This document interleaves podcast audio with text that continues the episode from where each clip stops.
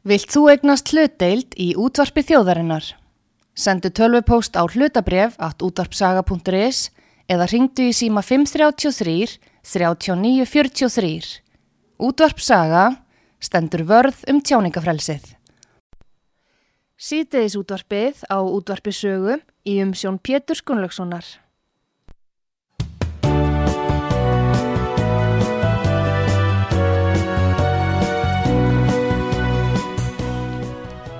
Góðir eh, hlustendur, þér að hlusta á útvarpsögu. Ég heiti Pétur Gunnlaugsson og gestur minn í þessum þætti er Ragnar Þór Ingolson. Hann er formaðið Vaffer. Velkomin til okkar Ragnar. Takk fyrir. Nú kæra samninga framöndan, hvaða kröfur legg hyggst uh, Vaffer leggja fram í komandi kæra samningum? Er þið búin að skilgreina markmiðin? Já, já, við erum búin að setja fram heilmikla kröfugerð Já. Og við fórum í þá vinnu snemma síðasta, uh, snemma þessu ári Mm. það sem að hátt í 6.000 félagsmenn koma að kröfugerð félagsins með einum öðrum hætti það gerð heilmikil könnun og úr því er ákveðin niðurstaða og það er margt sem að var nú fyrir séð sem að kom út úr því hver vilji félagsmanna er og annað sem kannski kom eh, meira óvart heldur en hitt Hvað kom ofar? Kannski það sem kom okkur svolítið óvart var uh, að uh, stytting vinnuvökunar, frekari stytting vinnuvökunar, hún skoraði mjög hátt hjá okkur og við höfðum einmitt verið með það á svona ottinum í síðustu kjærasamningum og áttum kannski vona því að, að það væri kannski að, aðri hluti sem að væri kannski í, framar í, í forgangsröðinu núna heldur en, en styttingin en, en, en þetta kom á óvart og, og, og En var þess ekki könnun gerð áður en þess að miklu verðhækkanir komið? E, já og nei, það uh, voru sem sagt, þegar könninni gerða þá eru þessar verðlasækkanir mikið til byrjaðar að býta og það gerist í sjálfu sér það ferli fer svona á, á, á, fullt síðast á haust. Og hafa stýrivextir hækka svo mikið síðan það. Já, síðan hafa stýrivextir hækkað um 4,5% á, á 12 mánuðum Já, sem er óvenju mikið. það er rauninni bara uh, mun brattara heldur en held ég nokkur um óraði fyrir sérstaklega eh, ef við berum okkur sama við Mm.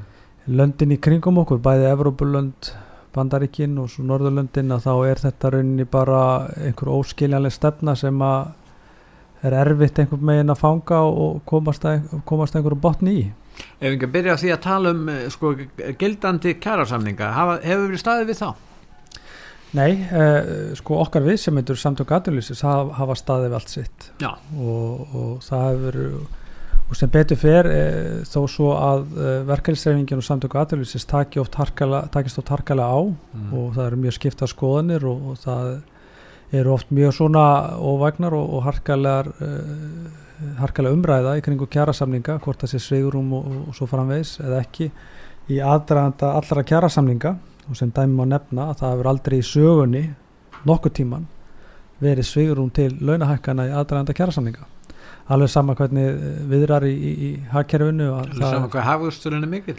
það, það skiptir engum máli, það har aldrei verið sögurum og hérna, og við höfum svona skemmt okkur við að, að, að skoða mitt orðræðuna í kjölfar uh, þeirra kjærasamninga sem við höfum gert síðustu áratví og, kem, og þetta skín mjög í gegn, sérstaklega hjá hægra öflunum í, í, í stjórnmálunum og sömulegis líka hjá okkar viðsemjundum og, og svona lobbyistunum í kringum þá og þeim miðlum sem að, sem að tala fyrir sér hagsmunni hér á Íslandi að þá hefur þetta verið svona bara gegnum gangandi orðræða nú uh, það sem að stendur út af borðinu eru fyrst og fremst vanendir stjórnvalda sem að uh, það stendur eiginlega ekki steinni við steini sko þegar það kemur að, að, að uh, þeim atriðum sem stjórnvöld ætluð að leggja í púkið og það er kannski fyrst og fremst það sem gerir stöðuna hjá okkur hvað uh, flóknasta uh, ef hægt er að orða, orða það svo að stjórnvöld hafa einfallega ekki sko hvorki tröstni trúveruleika að koma að kjærasamningum þó að augljóslega uh, þurfi að koma til uh, aðgerðapakki frá ríkistjórninni en uh, hún hefur einfallega ekki trösti að trúveruleika til þess að vera aðili að lausn kjara viðræðina eða kjara samningarna í haust Getur þú sagt frá helstu vanemdum ríkistjórnarinnar þegar þeir komið að þessum síðasta kjara samning? Það er náttúrulega, sko stóru málin eru náttúrulega húsnæðismálin Já, Hva, hvað var sagt um það í þessu kjara? Það átt að fara í, í, í uh, svo maður segja þjóður átaki í húsnæðismálum það átt að fara fram með nýja húsalegu lögjöf sem átt að verja leyendur til dæmis fyrir því uh, ógnarvaldi sem að stóru leigafélagin er að halda fólki í og keira upp leigu til dæmis langt umfram vísitölu mm. uh, og það átt að vera einhvers konar leigu þaka eða leigu bremsa eða einhvers konar lögjöf til að verja stöðu leyenda sem vilja slíka húsnæðismarkaðurinn þá átt að stóru eitthvað frambóð hér á, á húsnæðu og fara í mikla uppbyggingu sem að uh, endaði í sjálfur sig bara í tveimur starfsópum sem að rauninni fóru að greina og fjallum það sama og síðan einhverju marklísum yfirlýsingum sem að ekki hafa staðist uh, nokkur einustu skoðun. En hvernig er þetta klíja á um, um Ég get síðan, ég get síðan haldið áfram. Við, við, við, verðtryggingamáli til dæmis. uh, það var svikið. Uh, húsnæðisliðurinn Lofuði því til... að taka á verðtryggingunni? Já, já, það var, það var mjög skýrt á, skýrt á um það hveð í, í, í hérna, þessum atriðum En voru þeir ekki bara að blekka? Ég meina, þessi ríkistjórn hefur aldrei ætlað að taka á verðtryggingunni. Ég meina, við veitum, það var gengið dómsmál um þetta og annað og, og, og það er náttúrulega allir stjórnarliðar á móti því. Hvernig gáttu þið samþygt þetta í þessu kjærasamning? Var þetta bara reynd til þess að keira þetta í gegn og grundverði blekkinga þá? Það sé ekki bara að, að, að uh, ríkistjórn hefur vantalega að frista þess að gera bara svipað og þau komast upp með í kostningum eftir kostningar að, að lofa öllu fögru og gera svo bara allt annað uh, og efna helst ekki neitt og jábel uh, eh, fara í einhverjar alltaf áttir heldur en kannski uh, kjósindur voru í góðri trúum að eruðu farið. Og það sama er svolítið upp á teiningnum varandi lofórð og emdi ríkistjórnarinnar gagvart síðustu kjærasamningum að, að en kannski munurinn er sá að við eh, ætlum okkur ekki að fara í eh, einhvers konar uh, fá einhverja aðkomi stjórnvalda þar sem að þau leggja jafnvel saman endurunni loford úr síðustu kjærasamlingum uh, það einfallega kemur ekki til greina og uh, ég er ansið hrættur um það að það muni verða mjög harkalug átök til þess að knýja um það einfallega að ríkistjórnin klári þau mál sem standi út á borðinu, borðinu frá síðustu kjærsamling klári gamla samlingana en þá vakna þessi spurning hvernig er þetta að knýja fram endur af halvu ríkistjórnar ég meina að þú minnist á þetta sé bara kannski gefin kostingalofa nú að kjósendur geta ekki gert við því við veitum það, en, en, en, en hvað hva getur þið gert? Nú, nú segir þið og, og aðrir innan verkefli segjumgarinnar að auðvitað verður ríkið að koma þessum kjærasamningi vegna þess að, að þar eh, kjara, kjöra laun þegar er bara tengt eh, á stefnu ríkistjórnar eins og mörgum málum. En ef það er ekkert, ef þeir gefa bara einhver lofurlu þetta, hvort sem það eru gömul eða endur nýjanlega, hvernig sé það er þá er spurningum um að knýja fram emdir hvernig getið það í verkefnisegnum nema bara efnarlega alls er að verkfalls gegn ríkistjórninni fyrir að hafa ekki staði við það sem er lofuðu í varandi kjærasamlinga Ég held að það nú bara komist uh, nokkuð nálat svarinu. Það er bara einfalt. Við höfum verkfallsréttin og það er alveg ljóst að, að uh, verkefnisegningin uh, er í mikilli naflaskoðun uh, í dag út af uh, þeim atbyrður sem hafa verið að, að, að, raungerast í alltíðusambandinu og fleira. Og ég á vona því að hún komi, komist saminuð sterkari heldur en okkur sinni fyrir út, út um þeim breytingum sem að mér sínist við vera að fara í. Uh, og í framaldi af því munum við geta farið í aðgerðir til þess að knýja á um emdir uh, á þeim loforum sem standa út á og við ætlum okkur að klára það eigi ríkistjórni möguleika á að koma inn í nýjan kjærasamning eh, eða liðka til uh, þar fyrir. Að öðrum kosti þurfum við að sækja rauninni allar þar kjærabætur sem að uh, okkar uh, félagsfólk hefur orðið fyrir eða það er kjæra skerðingu þurfum við að sækja þá á atvinnulífið sem að ég er ekki er ekki rauninni bjarsitna á að aðtunlífi standi undir vegna þess að þetta eru svo uh, margir hlutir sem að hafa að segja, verið að, að uh, taka ávinninga fólki, ég nefni til dæmis uh, húsalegan, ég menna ég til dæmis uh, hef verið í sambandi við fjölda fólk sem er að lega hjá Ölmu sem er til dæmis eitt af stóru legufélagunum þar er verið að keira upp legu hækkanir langt um frá vísutölu á 12 mánuða fresti mm. ég er með hérna sögu 70 konu Já. sem er á líferi hún var að borga 190 skrónur í húsalegu Já. og Alma er að bjóðinni nýjan samning upp á 240.000 þetta er 50 skróna hækkun á 15 mánada tímabili Já. og við þurfum að semja að, að, hún þarf 80 skrónur í aukin laun mm -hmm. til þess að standa undir þessum 50.000 eh, skróna kostnaður auka þarna verður eitthvað að gerast. Við erum með ungt fólk sem fór út á húsnaðasmarkað uh, og tók kannski uh, lán í góðri trú uh, þar sem Sælabankin hafi lækka vesti mjög skart og svo er þeir kerður upp aftur. Og við erum með fjölmörg dæmið um það að, að uh, félagsmenn okkar og bara almenningur í þessu landi er að fá 20.000 uh, reikning fyrir þessum vaksta skatti Sælabankans mm. 30 miljón krónar lán ef, ef, ef, algengt, algengt lán 30, 30 miljón krónar overdritt lán. á breytilegum vöxtum hefur hækkað um 86.000 krónur í afborgun á mánuði og til þess að standundi því þá þarf 145.000 krónar launahækkun. En það miða við vastahækkun síður það hafa verið. Síðustu, nú, síðustu, nú hafa þær hækkað. síðustu 12 mánada og eiga eftir að hækka. Síðustu 12 mánada þetta verður komið upp á annað 100.000 þessi, þessi hækkun. og, og, og, og síðan í ofanálag þá eru mjög mikla verðlasækkanir nöðsjón og vara er bara, á, bara í frjálsu falli upp á við no. og það þekkja allir sem að þurfa að fara út í búð og, og, og kaupa, það, kaupa í matinn og, og jáfnveg það allra nöðsynlegasta að uh, hækkaninnar eru slíkar að uh, fólk er bara farið að, að lenda í stórgóðslegu vandræðum, það fara að þrengja verulega fólki og þetta þurfum við að sækja uh, til okkar viðsemjenda mm. og stjórnvalda það sem að við á en stjórnvöld e, e, eru búin að mála sér út í hotgagart verkefliðsreyfingunni vegna vanemda og ef þau ætla að, að, að eiga möguleika í að leysa uh, eða koma til mótus við uh, aðila vinnumarkaðarins í að koma hér á stöðuleika á vinnumarkaði að þá þurfa þau að byrja að uh, gera þessi brók og byrja á því að, að efna þau lofur sem standa út á borðinu.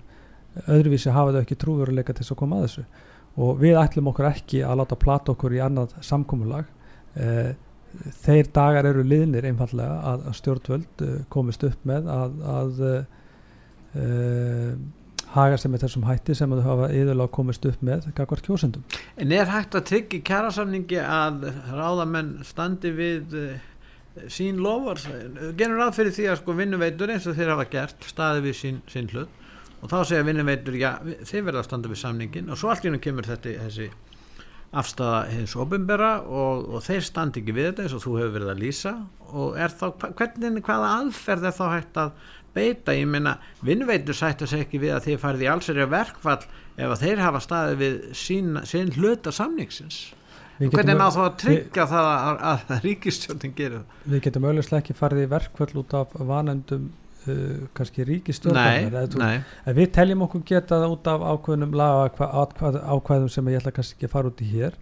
En, en það sem þetta gerir að, að ef að ríkið hefur ekki aðkomu út af, út af trúveruleika, skorti á trúveruleika mm. að uh, lausnum að þá þurfum við einfalla að hækka kröfun á atvinnulífið. Og uh, eftir sem við hækkum kröfun á atvinnulífið þeim uh, meiri líkur eru á að það stefni átök og uh, við erum farin að ræða það með hvaða hætti við getum beitt okkur í átakafarfi til þess að knýja á uh, bara um emdir frá síðasta samlingi gafkvæmt ríkistórninni og uh, það er mikið samstaða innan verkefælisreifingarnar um það að stíga mér fast í jarðar gafkvæmt stjórnvöldum í þessum efnum. Og við höfum líka verið að ræða það að ef að stjórnvöld eh, taka sér til, taka sér saman í andlitinu og, og klári það sem upp á vandar áður en við förum inn í e, nýjan fasa kjærasamninga að þá er alveg ljósmál að öll þau lofórð sem að munu koma og allt, allt það sem ríkistjórnum mun leggja fram ef hún mun koma að þessu annar borð verði dagsett og með uppsagnar ákvaðum og, kjærasamningum ef og þá var það vinnuveitur að skrifa undir það líka Að sjálfsögðu. Við munum setja það þá bara sem forsendu ákvæði fyrir hvert einasta atrið að þau séu dagsett og tímasett uh, þannig að við getum þá losnað undan kjærasamningi og farið þá í uh, aðgerðir ef að uh, stjórnvöld efna ekki gefin lofórð. Uh, því miður voru þessi, þessi lofórð eða, eða þessi aðgerðapakki ríkistofnun ekki tímasettur þannig séð þannig að það er ekki hægt að kannski Uh, þau höfðu í sjálfu sér allan samlingstímast til þess að klára voru það að- mistök að- að tímasettingi þessi aðgerð eða var það ekki hægt kannski, hefðu ekki náð samningar þá? Já sko, ég bara veit það ekki. Kannski voru mistök að, að, að tímasetja ekki en kannski uh, stæðstu mistökin voru náttúrulega fyrst og fremst að, að leggja tröst okkar á, á stjórnvöld og, og treysta þeim fyrir því að þau myndu standa við sitt. Telur þú hérna Ragnar að aðrir í verkefnisefing séu sammála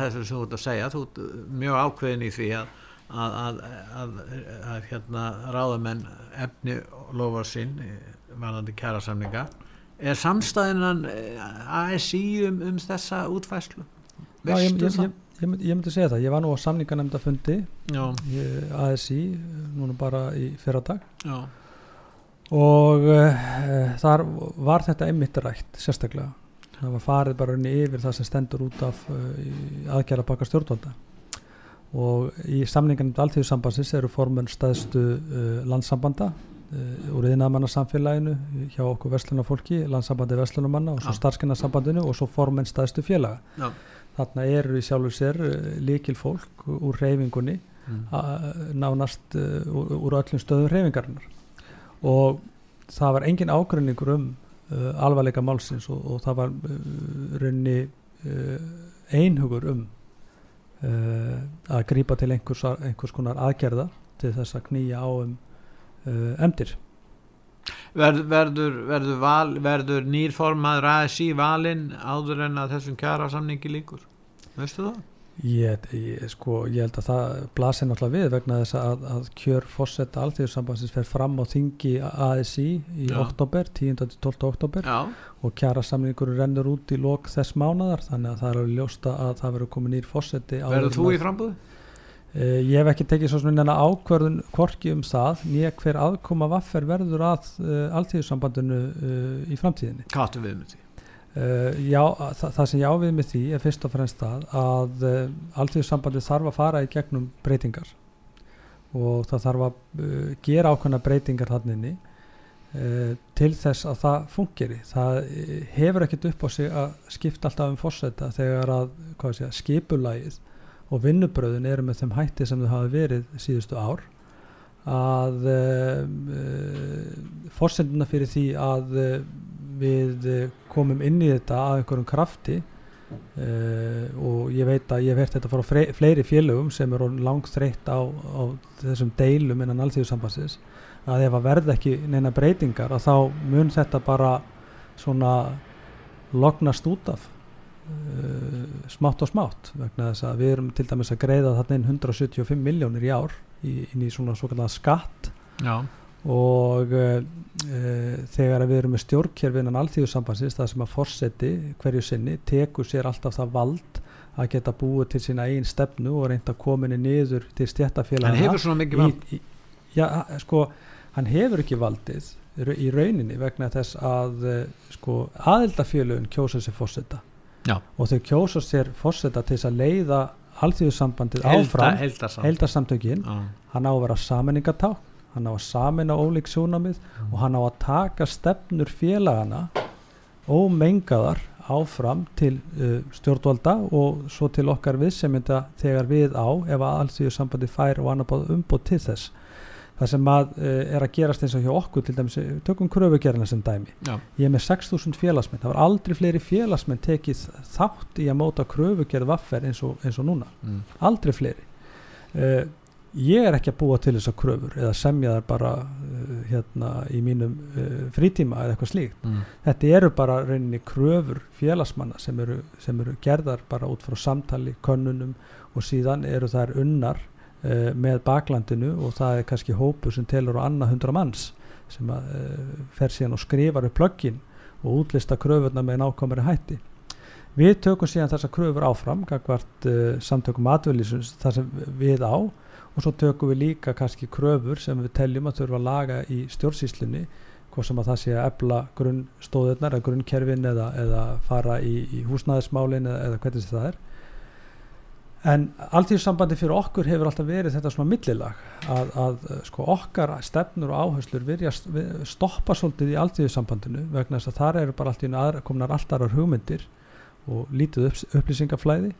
Uh, síðan alltaf eru komnar einhverja hugmyndir á borð þjóðhagsráðs eða, eða borð miðstjórnar sem að við vitum ekkert rauninni hvaðan koma. Þetta er bara einhver hugmyndafræði um grænbók saleg og ímislegt annað. Þú ert að gaggrýna fráfærandi forman að þessi Forsetta heitir þetta. Já, eh, sko, já, ég, kannski, ég vil freka gaggrýna vinnubröðin mm. og þetta var líka svona í tíð gilva já. Að uh, í staði fyrir að vera þetta saminningaták í staði fyrir að hlusta á græsrótuna og taka síðan stefnur og áherslur félagana áfram að þá einhver meginn stoppaðar í alþýðusambandinu og þarna verður til einhver, einhver blokk og einhver fórista sem að uh, fer síðan að, að skrifa einhverja uh, stefnur og áherslur sem eru kannski ekki inn einu takti við það sem er að koma frá félagunum Þú lýsir eiginlega elítu hérna sambandi það er altså ákveðin elíta í ASI sem er að ákveða stefnuna í anstöðu við græsröndina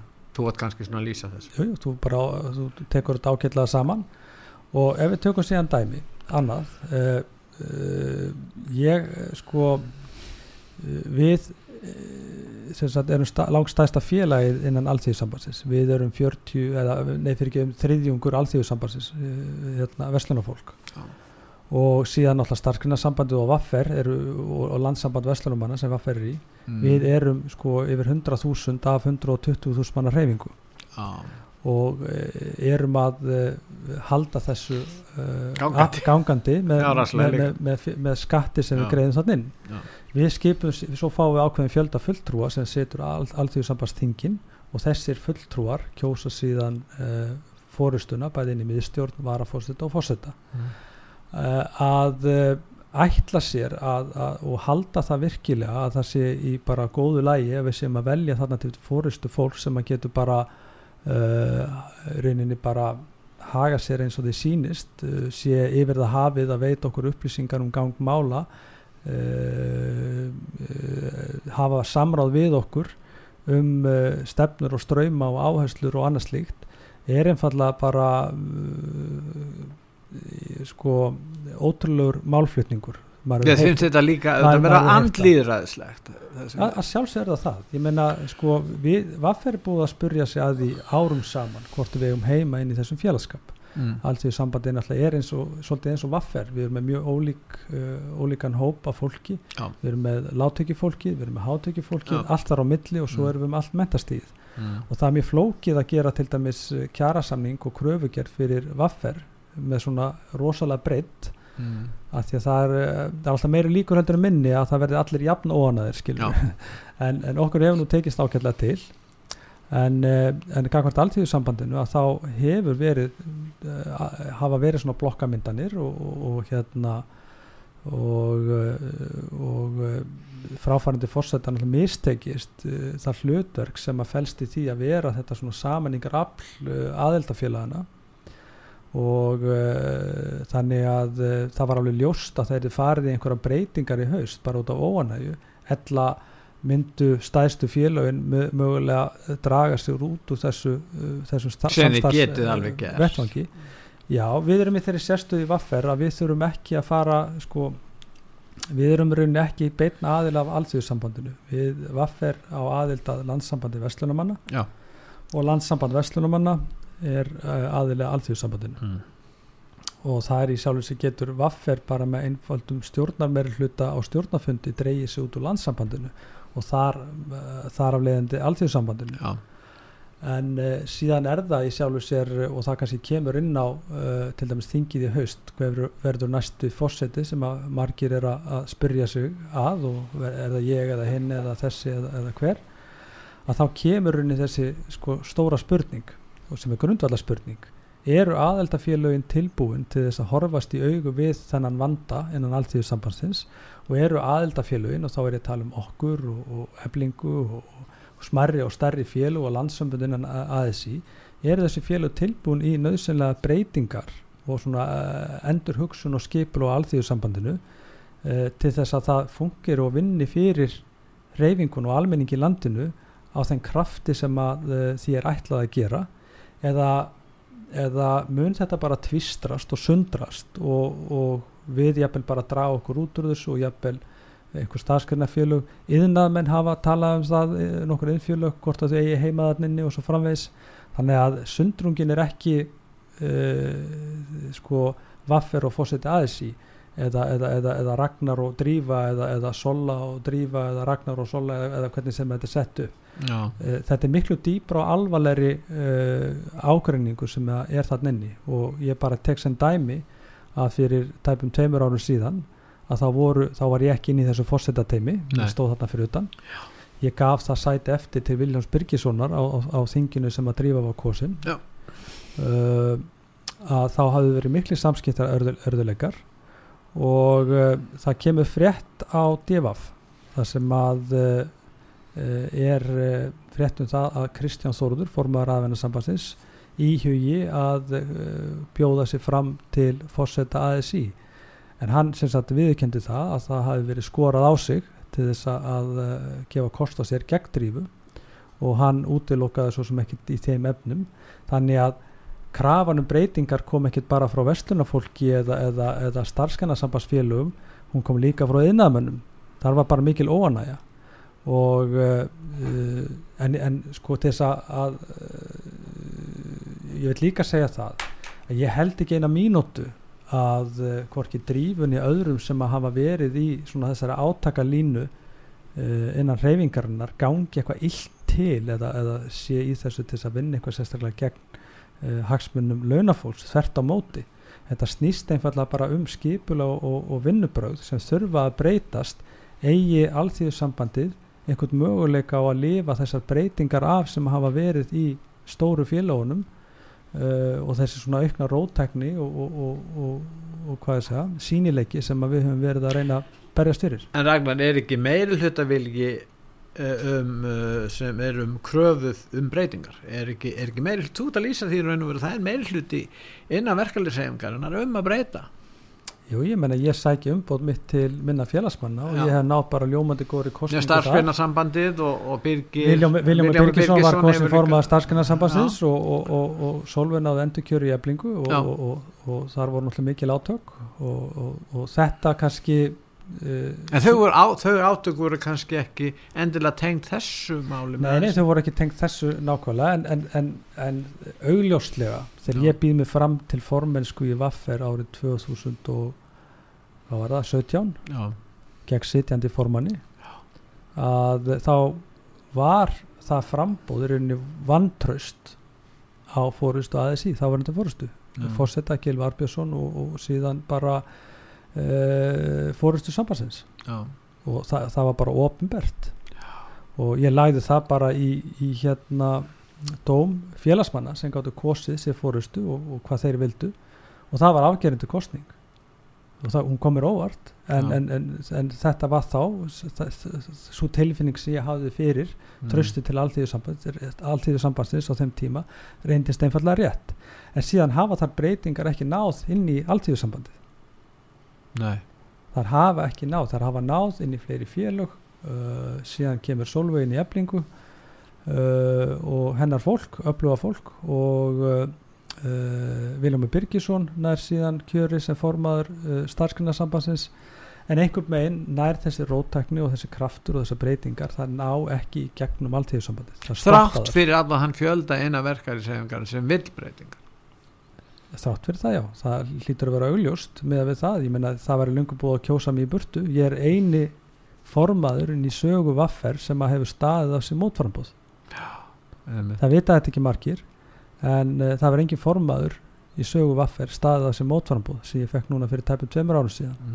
Mm. þannig að uh, maður hefur gert eitthvað sögulegt. En vonandi eitthvað meira góði hlustendur þið að hlusta á útvarp sögu. Ég heiti Pétur Gunnlaugsson og ég er að ræða með Ragnar Þór Ingólfsson. Hann er formaðið vaffer og uh, við ætlum að halda áfram umræðinni hér eftir öll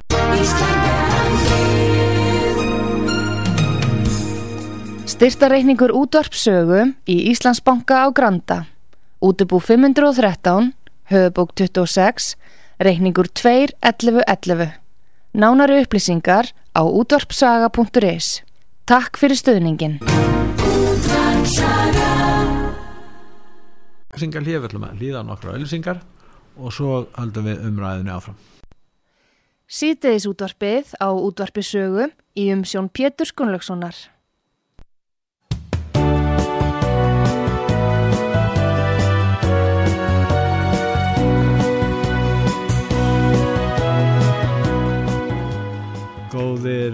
Hlustendur, er að hlusta á útvarpsögu, ég heiti Pétur Gunnlaugsson og gestur minn í þessum þætti er Ragnar Þór Ingólfsson, hann er formaðið vaffer.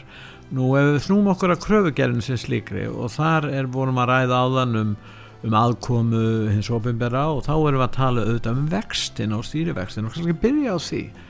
Hvernig getið þið sett fram í kröfugerð ekkar einhvers konar breytingar á stefnu uh, ríkistjórnar í vaksta og verðringamál? Já, við teljum uh, að uh, þegar kjör og lífsgæði og lífskjör okkar félagsmenn eru annars vegar að þá er allt undir. Þó að samtök aðunlífsins séu formlegur viðsefjandi að þá gerum við kröfu um að lífskjör fólks séu sambarleg við það sem gerist annar staðar og, og ekki bara annar staðar, einhver staðar annar staðar, heldur bara það sem þau gerast best. Við gerum kröfu um að í okkar ríka landi geti fólk lifað með mannleiri reist og mannsamöndi lífi á, mm. á því sem það aflar í launatekjum. Og það er ekkert uh, það er ekki of uh, hérna, til mikið sætlast að, að gera þá grundvallakröfu hvar sækjum við uh, þessar kjarabætur?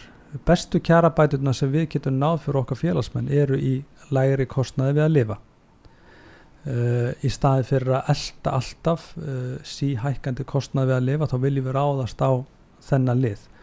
Þar eru náttúrulega húsnæðismálin uh, undir og hvað stæðsti kostnaðilegur heimilis eru vaksta kostnaður og, og allt og há húsalega og við höfum verið að leggja gríðalega áherslu á það að það verði farið í einhvers konar langtíma plan varandi húsnæðismarkaðin ekki einhverja plástra eða, eða, eða innantómar yfirlýsingar eða nefndir heldur farið í raunverulega uppbyggingu á húsnæði vegna þess að hér er og hefur verið langvarandi skortur á húsnæði og það er stefnir í að sá skortur haldi áfram vegna þess að það er ekki verið að byggja nema upp í brot af því sem að uh, þörf er fyrir hérna á Íslandi.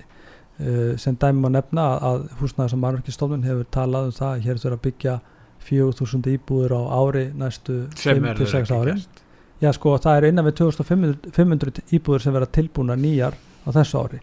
Það eru vel innan við 3000 sem verða á næsta ári. Við, erum svo langt og þetta er uppsöfnuð þörf. Mm. þannig að við erum bara sko, og, og, og þetta er búið að liggja fyrir árum saman en það hefur ekkert verið gert. Það eru bara stopnaða nefndir það er algjört aðgerraleysi og klúðrið hjá bæði selabankunum og stjórnvöldum hvað varðar húsnæðismarkaðin er, eh, er bara fordamalust og verður, verður minnst eh, fyrir það í, í sögunni eh, til ég.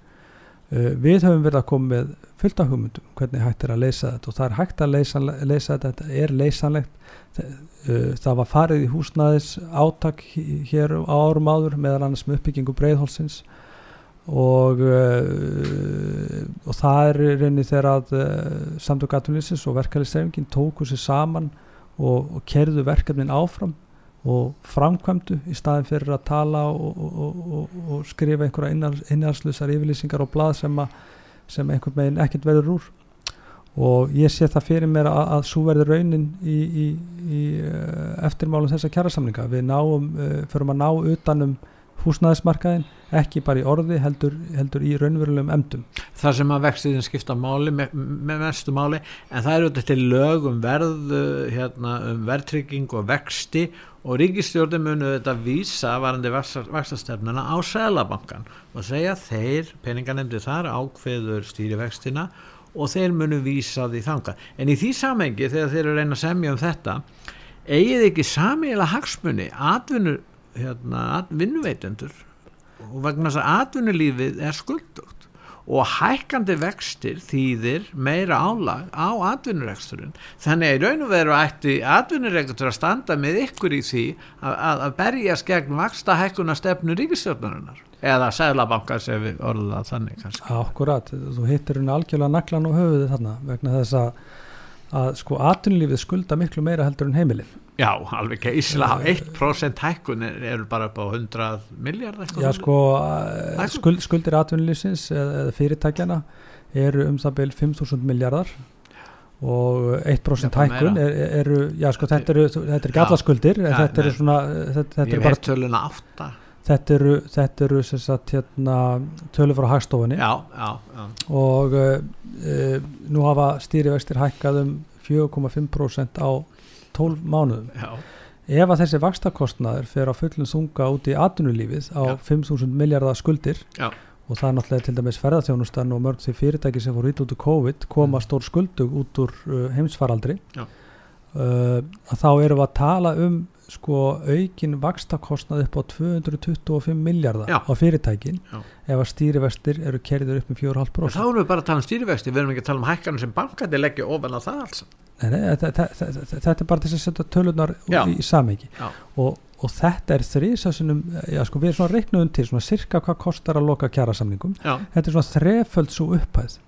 Er þetta ekki lausnum að semja við vinnuveitundu? Þreföld svo upphæð sem að, sem að kostar, við teljum að kosta að loka hér kjara samningi og almennu vinnumarkaði. Mm. og þess að þetta er óskiljanlegt Petur að samtöku aðlunlýfisins talir unni með þessum glórulegs aðgerðu Sæðlabankans frekar en að tala fyrir sko, skuldufyrirtæki sem er undir þeirra hatti uh, að uh, þessi kostnarauki sé veldi frá fyrirtækin. En það er samt marg sem bendir til þess og við höfum verið að greina ákomi fyrirtækja mm. að uh, fyrirtækin veldi þessum aukna kostnaði beint út í verðlag sem aftur ítir upp vísutölu og aftur eigur verðbólgu. Og þetta höfum verið að benda á. Og ég skal taka dæmi fyrir þig. Sjáðu til dæmis hvað er að gerist í kringum okkur á Íslandi er verðbolga 9,9% mælt mm. uh, og stýrivestið það búið að keira þá upp í 5,5% ja. í, í Breitlandi þar er verðbolgan litlu herri en stýrivextir eru þar 1,75% 1,75% stýrivextir uh, í Danmörku þar er verðbolgan rétt teflaði 9% eða 8,7% þar eru stýrivextir mínus 0,1%. Í Noregi eru stýrivextir 1,75% og 0,75% í Svíþjóð. En þar eru verðborga sko í Svíþjóð 8,5% og um 7% í Noregi. Ef við tökum fleiri dæmi, Holland, þar eru stýrivextir 0,5%. 0,5% þeir eru 11 sunnum hærri hérna mm. 11 sunnum hærri á Íslandi en það er hærri verðbólka í Hollandi. Já. hún er 10,3% og í Þýskalandi það er verðbólka tæp 8% Já. og það eru stýrivestir halvt prosent ef við tökum bandaríkin það eru stýrivestir þeir eru líka verið að hækkaði mikið. Já. þeir eru konur í 2,5% en það er verðbólka tæp 9% eða, eða 8,5% og þá spyr ég hvað er að gerast og hvað er að fréttast hérna á Íslandi? Já, en, en þetta sýnir fram á það að það er ekki hagsmunir vinnuveitanda eru þeir ekki sömu. Það var að vera að tala um að stopna félag innan uh, hjá atvinnuveitendum uh, félag lítill og meðalstóru fyrirtæki hagsmunir þeirra væri allt aðrir heldur en hagsmunir já, stóru félagana fjármagsegandana, einoguna fyrirtækjana ágefnisfyrirtækjana Hvað er, er Sigmar Viljámsson núna? Ég, ég spyr. Já, hann kakri það, það er allir skítrætti við verkefælisreifingun og hún ógni hér stöðuleika Já. hér er búið að greiða hér, hér stefna argreislur í 200 miljardar á þessu ári. Já. 200 miljardar mm. afkoma útflutningsgreinana álverin er að skila með taknaði útgerðafélögin útgerðin hún hefur aldrei gengið betur. Hún er að skila með taknaði skipafélögin bankarnir hafa, er að skila meðtaknaði grættu 90 miljardar og þeir eru búin að reyna að gefa, gefa út yfirlýsingu. Þeir voru að gefa út yfirlýsingu og segja að, að arsemi og, og, og hagnaði verið jafnvel meira í ár vegna mikill að 92 miljardar í fyrra. vegna mikill að vaksta segðabankans að, að þá munir þeir græða meira. Arjónbanki er búin að hækka sín arsemiskröfu Já. öll uh, dagvaran hún er bara mala gull, tryggingafjölögin syns það, skipafjölögin Mm. þannig að hvar sem við dreifum Þá keppnin er á fljúandi ferð ferðarþjónustan, hún er nánast uppselt mm. uppselt Já, en hvað Og- segir um þetta? og- það er og- ekki og- sömu hagsmunir og svo á launafólk að bara taka því þegjanda hljóðalust að hér sé bara ekkert sigurum En hverju eru allir atvinnuleikur í einum hóp? Þeir eru ekki samilega hagsmunni. Þeir ættu að vera tvennskona, annars vegar þessir, þessir fákeppnisfyrirtækin að ganga svona vel og svo bara þessi venjulegu fyrirtæki sem eru í samkeppnisþjóðfélagi, lítil og meðalstór fyrirtæki og, og sem eru mjög skuldsett og hafa hagsmunna því að, að þessi vakstastefna haldi ekki áfram. Já, mikilvæg það, það er, en það eru náttúrulega fjölmörg hagsmunarsamtök fyrirtækja. Þú veist með hagsmunarsamtök fyrirtæki sjávarútvi, Jú, ferðarþjónustu yðnaðnum uh, nú er, að er, er, nú, er, nú er komin uh, nýtt hagsmunarfélag félag smarri fyrirtækja. En það heyrist ekkit í þessu fólki þegar verið er að hækka stýrivexti uh, sem er sko langt umfram, þetta eru álögur sem eru langt umfram það sem að kostar að, ganga frá Hækka- kjærasamningum á almennu vinnumarkaði. Og þetta er svolítið aðtiklisvert Mm. að það er alltaf verið að tala um sko að hér séu fordæmalusar aðstæður og fordæmalus staði í hagkerfinu. Hún er vissulega fordæmalus hún er fordæmalus að tíleitinu til að það hefur bara náttúrulega aldrei gengið betur við sjáum það á, á launum fórstjórana uh, æðstu, em, Arðsemin. æðstu embatismanna, arsemi, arðgarislur Mm. þetta er allt í hæstu hæðum. Það hefur engin það hefur engin sínt vott af hvorki samfélagsleiri ábyrð niður tekið tillit til þess að hér séu kjærasamningar að koma. Nei nei, launafólk á einfallega að taka á sig allar byrðar. Og þegar þú ert með svona umhverfi heldur virkilega að launafólk almennt, vinnandi fólk sé tilbúið til þess að lækka hjá sér launin á meðan Til að borga verbulguna. til að borga verðbólkunni já á meðan allir eru að taka sitt upp í topp Já. við höfum Og... bent á þetta margóft, við höfum kallað eftir hófsemi Mm. hjá hérna í álagningu og arsemiskröfu bæði bankana og síðan dagveruverslanna hófsemi Arjónbanki eigur arsemiskröfu uh, það er allt sem bendir allar það tölur sem við sko, skoða þá er hagnaður að aukast. Uh, launavelta sem hlutfall af veltu er að lækka. Uh, uh, álagning verðist vera að hækka. Það er enginn sem dregur út. Það er öllu verið velt, velt út í verðlægið öllu verið velt út á neytendur.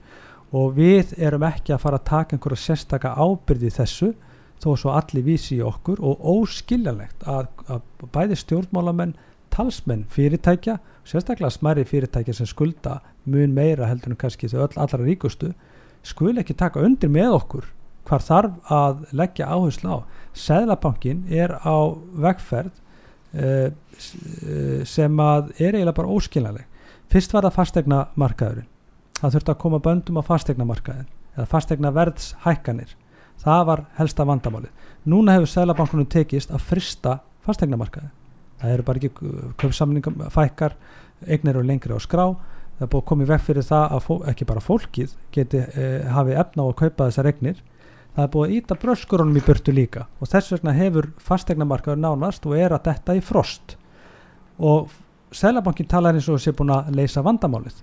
Í Evrópu er, eru helstu orsakir verðbólgu umfram náttúrulega rávaruverðsækkanir og ýmislegt annað eru orkuverð og eins og Þískaland og fleiri Evrópuríki eru, eru farin að sjá það að nú þurfum að fara að setja plan uh, til þess að styðja við uh, sjálfbæra orkuframlýslu til framtíðar en ekki vera háð ríkjum eins og Rúslandi eða öðru ríkjum. Þetta eru þeirra vandamál. Hérna á Íslandi uh, er stæðstil hluti verðbólgunar er út af verðhækkunum og húsnæði og að, halda, að telja eina mínútu að það sé nóg að frista markaðin til þess að, til þess að leysa málið er bara uh, sko, óskiljanlegur málflutningur vegna þess að ef það er skortur á vöru þá hækkar hún í verði, ekki satt Heldur ekki húsnaði bara áfram að hækka? ef það er skortur af vöru þá hækkar hún í verði Mm. eh, hvað er þá til ráða?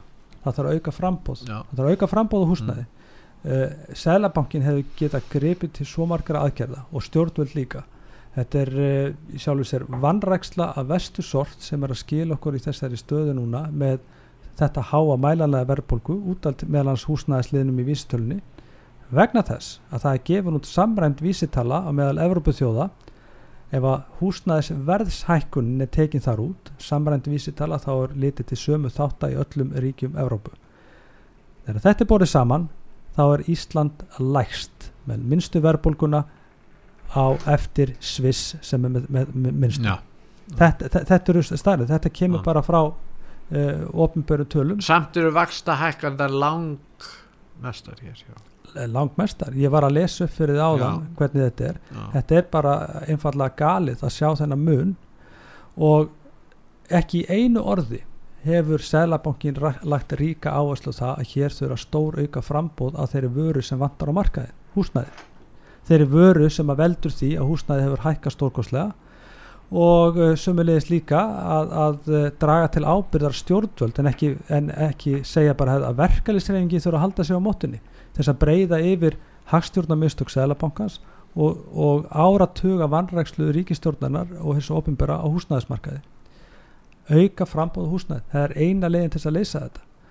Og uh, eins og staðan er í dag til dæmis að það er ekki laust að keira upp stýrivesti þannig að enginn getur gett húsnæði En það gleymist í þessar umræðu COVID stuðningur ríkisstjórnarinnar við fákjöfnisfyrirtækin sem hittir meira peningamagni í umferð sem er ástæða fyrir ein ástæða fyrir þessar verðbólgu sem við búum við núna. Og þetta, já, þetta er góða punktur vegna þess að þetta til dæmis sá reikningur er ógreittur En þá, þá er að launamenn að greiða fyrir reikningur er verðbólgu. ógreittur Já. og við eigum eftir að greiða þennan reikning. Já, í dag það sem er að keira til dæmis verðbú, eða sagt, uh, það dreigir mikið úr útlánu til íbúðakaupa já. En það er mikil útlán og þensla í gangi til fyrirtækja. Mm. en Sælabankin hefur öllu tól og tæki til að stýra peningamagni í umferð. Útlána getur bankana. Hvert útlánin fara Sælabankin hefði átt að stýra þessu þannig að, að, uh, að opna fyrir og hvetja til meira útlána í, í uppbygging og fjárfestingu í húsnæði.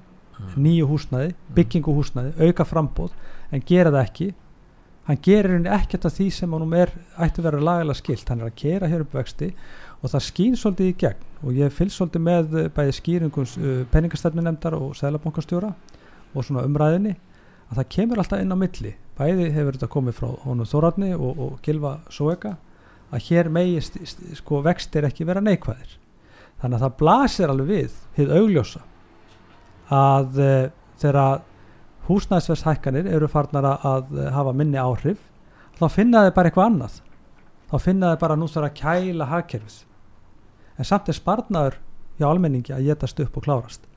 Er, þetta er mælalega stærðir frá hagstofinni fólk er að klára sparnaði sig. Fólk er að lifa á sparnaði vegna þess að vöruverð hefur hækkað.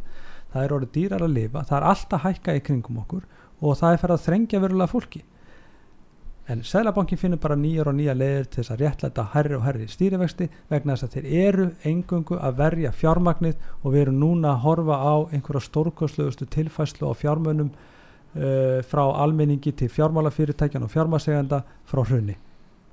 En uh, nú uh, er ekki líkur á því þá Ragnar að ef að það að halda áfram þessari stefnu í fjármálum ríkisins eða vaksta stefnunni og, og líka hálfu sæðlabankans uh, þá verður í raun og veru mjög erfitt að ná einhvers konar samkúmulagi nema að já, að uh, verkefliðsefingin hóti eða er reyðubúin að fara út í mjög rótækar aðgjör eins og ég talaði um bara hreinlega allsæri verkefni Þetta er bara nákvæmlega það sem að uh, uh, ég er svona verið að reyna að benda á að uh, það er farið að þrengja verulega fólki og uh, það sem við munum beita okkur fyrir núna í aðræðanda næstu kjærasamlinga er að fólk muni rýsa upp gegn þessum blekkingaleik uh, gegn sjálftökun í okkar samfélagi sjáum bara útgerað fyrirtækin hvað þau eru að fá fyrir uh, auðlindin okkar mm.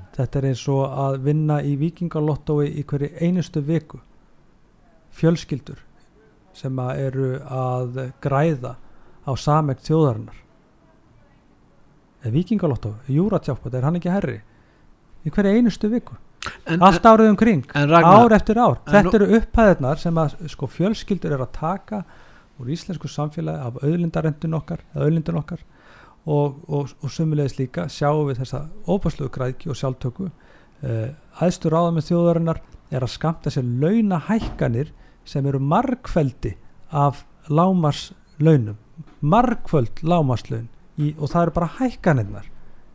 Þetta er siðferðir í okkar samfélagi og fólk þarf einfallega að rýsa upp og við munum sjá til þess að samina fólkið okkar gegn þessari sjálftöku og spillingu gegn því að Seðlabankin sé hér að hyggla fjármagninu degra við fjármasegundur og bankakerfið endalust uh, og uh, stoppa þessa tilfæslu af áður en að verður um seinan vegna þess að þetta stefnir bara í ég held að ég, ég hef alvarlegar ágjörð því að, að Sælabankin og stefna hans í vakstamálun sé að keira hér uh, almenningi mjög alvarlegt krepp ástand Það sem ykkur aðtikli er að Sælabankin spáir 6% að hagvexti.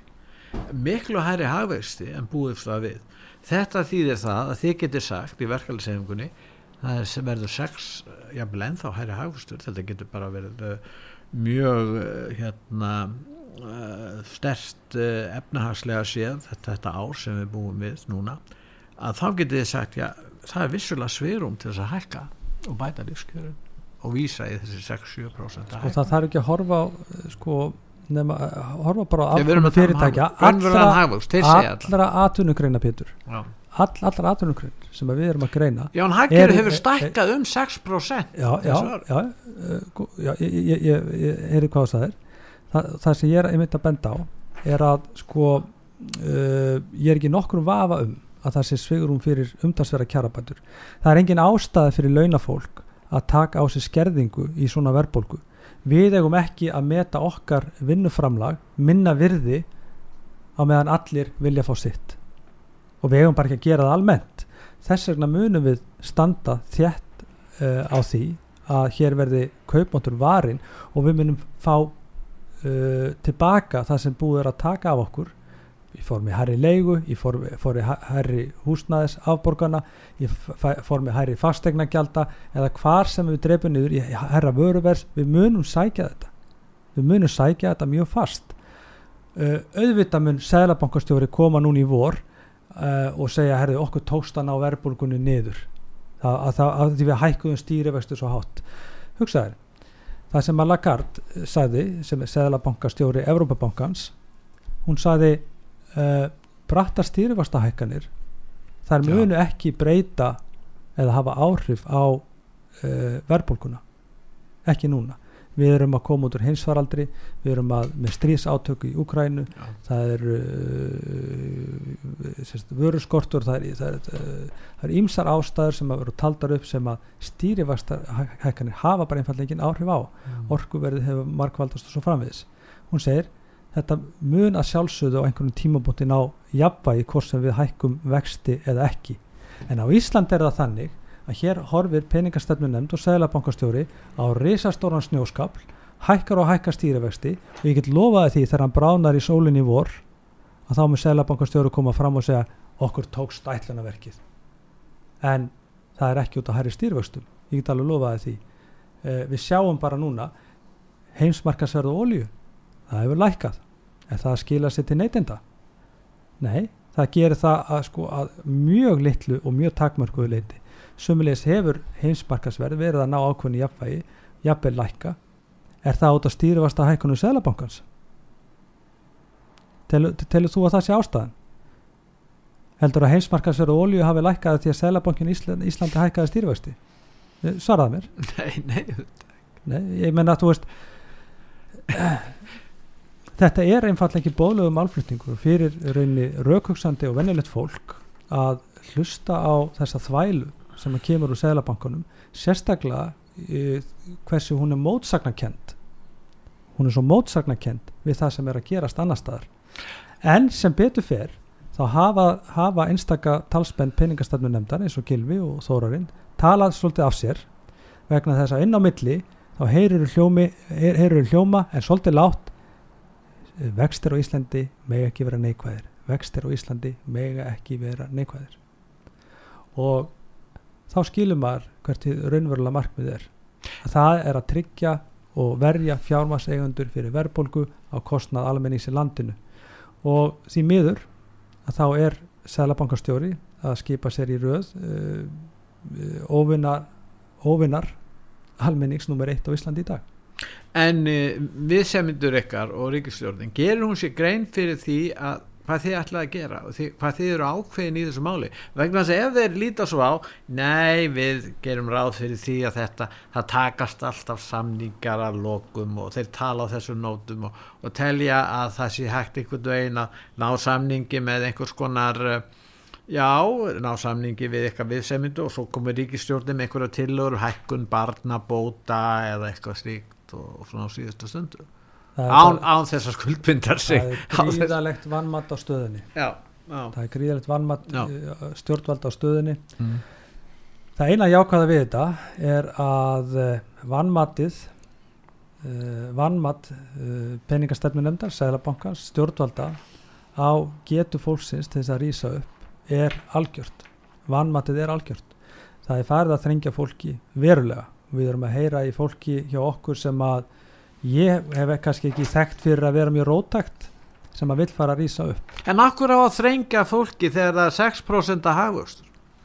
já, þú, verður að spurja uh, Ha. ráða með þjóðarinn að þessu. Já, en uh, fyrst og fremst uh, tala ég fyrir mína félagsmenn. Já, og uh, ég reyna að vera með púlsin á, á mínu samfélagi og Mm. því sem er að gerast í, í svona röðum minna félagsmann á mín spaklands og ég skinja bara að samstæðan er að aukast. Og það er kannski það eina jákvæða við uh, þessar uh, ríkalegu aðgerðir Sælabankans og, og aðgerðalýsi stjórnvalda að þetta er að þetta raðarnar hjá okkur. Við erum að fá fólkið á bakvið okkur og ég trúði mér, við munum fá fólkið með okkur. Og við munum uh, koma mjög mjög öflug til leiks í haust. Já, við verðum að fara að ljúka að þessu. Hérna, Ragnar, viltu segja eitthvað að lokum? Já Nei, sjálfsver ekki ég held að við séum búin að fara svona yfir víða Yfir völl þetta, og, og ég held ég sé bara nokkuð góður nema það verður einhverjar loka En það eru altså góð skilri fyrir bættum lífskjörum hérna og ég var nú alltaf að vísa í þessi 6% Það er bara fordómulegsar aðstæður, Já. það er rétt en það eru fordómulegt góðar Þegar Já. við gerðum síðasta kjærasamning Já. hvar vorum við þá stödd? Við vorum með fall Váer í fanginu Váer var orðið gjaldþróta og við erum með annað uh, stæðsta flugfélag landsins í mólum Já. þetta var staðan síðast. Og atvinnuleysi útflutningsgreinarnar eins og álverin þú voru, í bullandi tapi Mm. og svo framvegis og svo framvegis. Ég get talið upp uh, marga aðra þætti.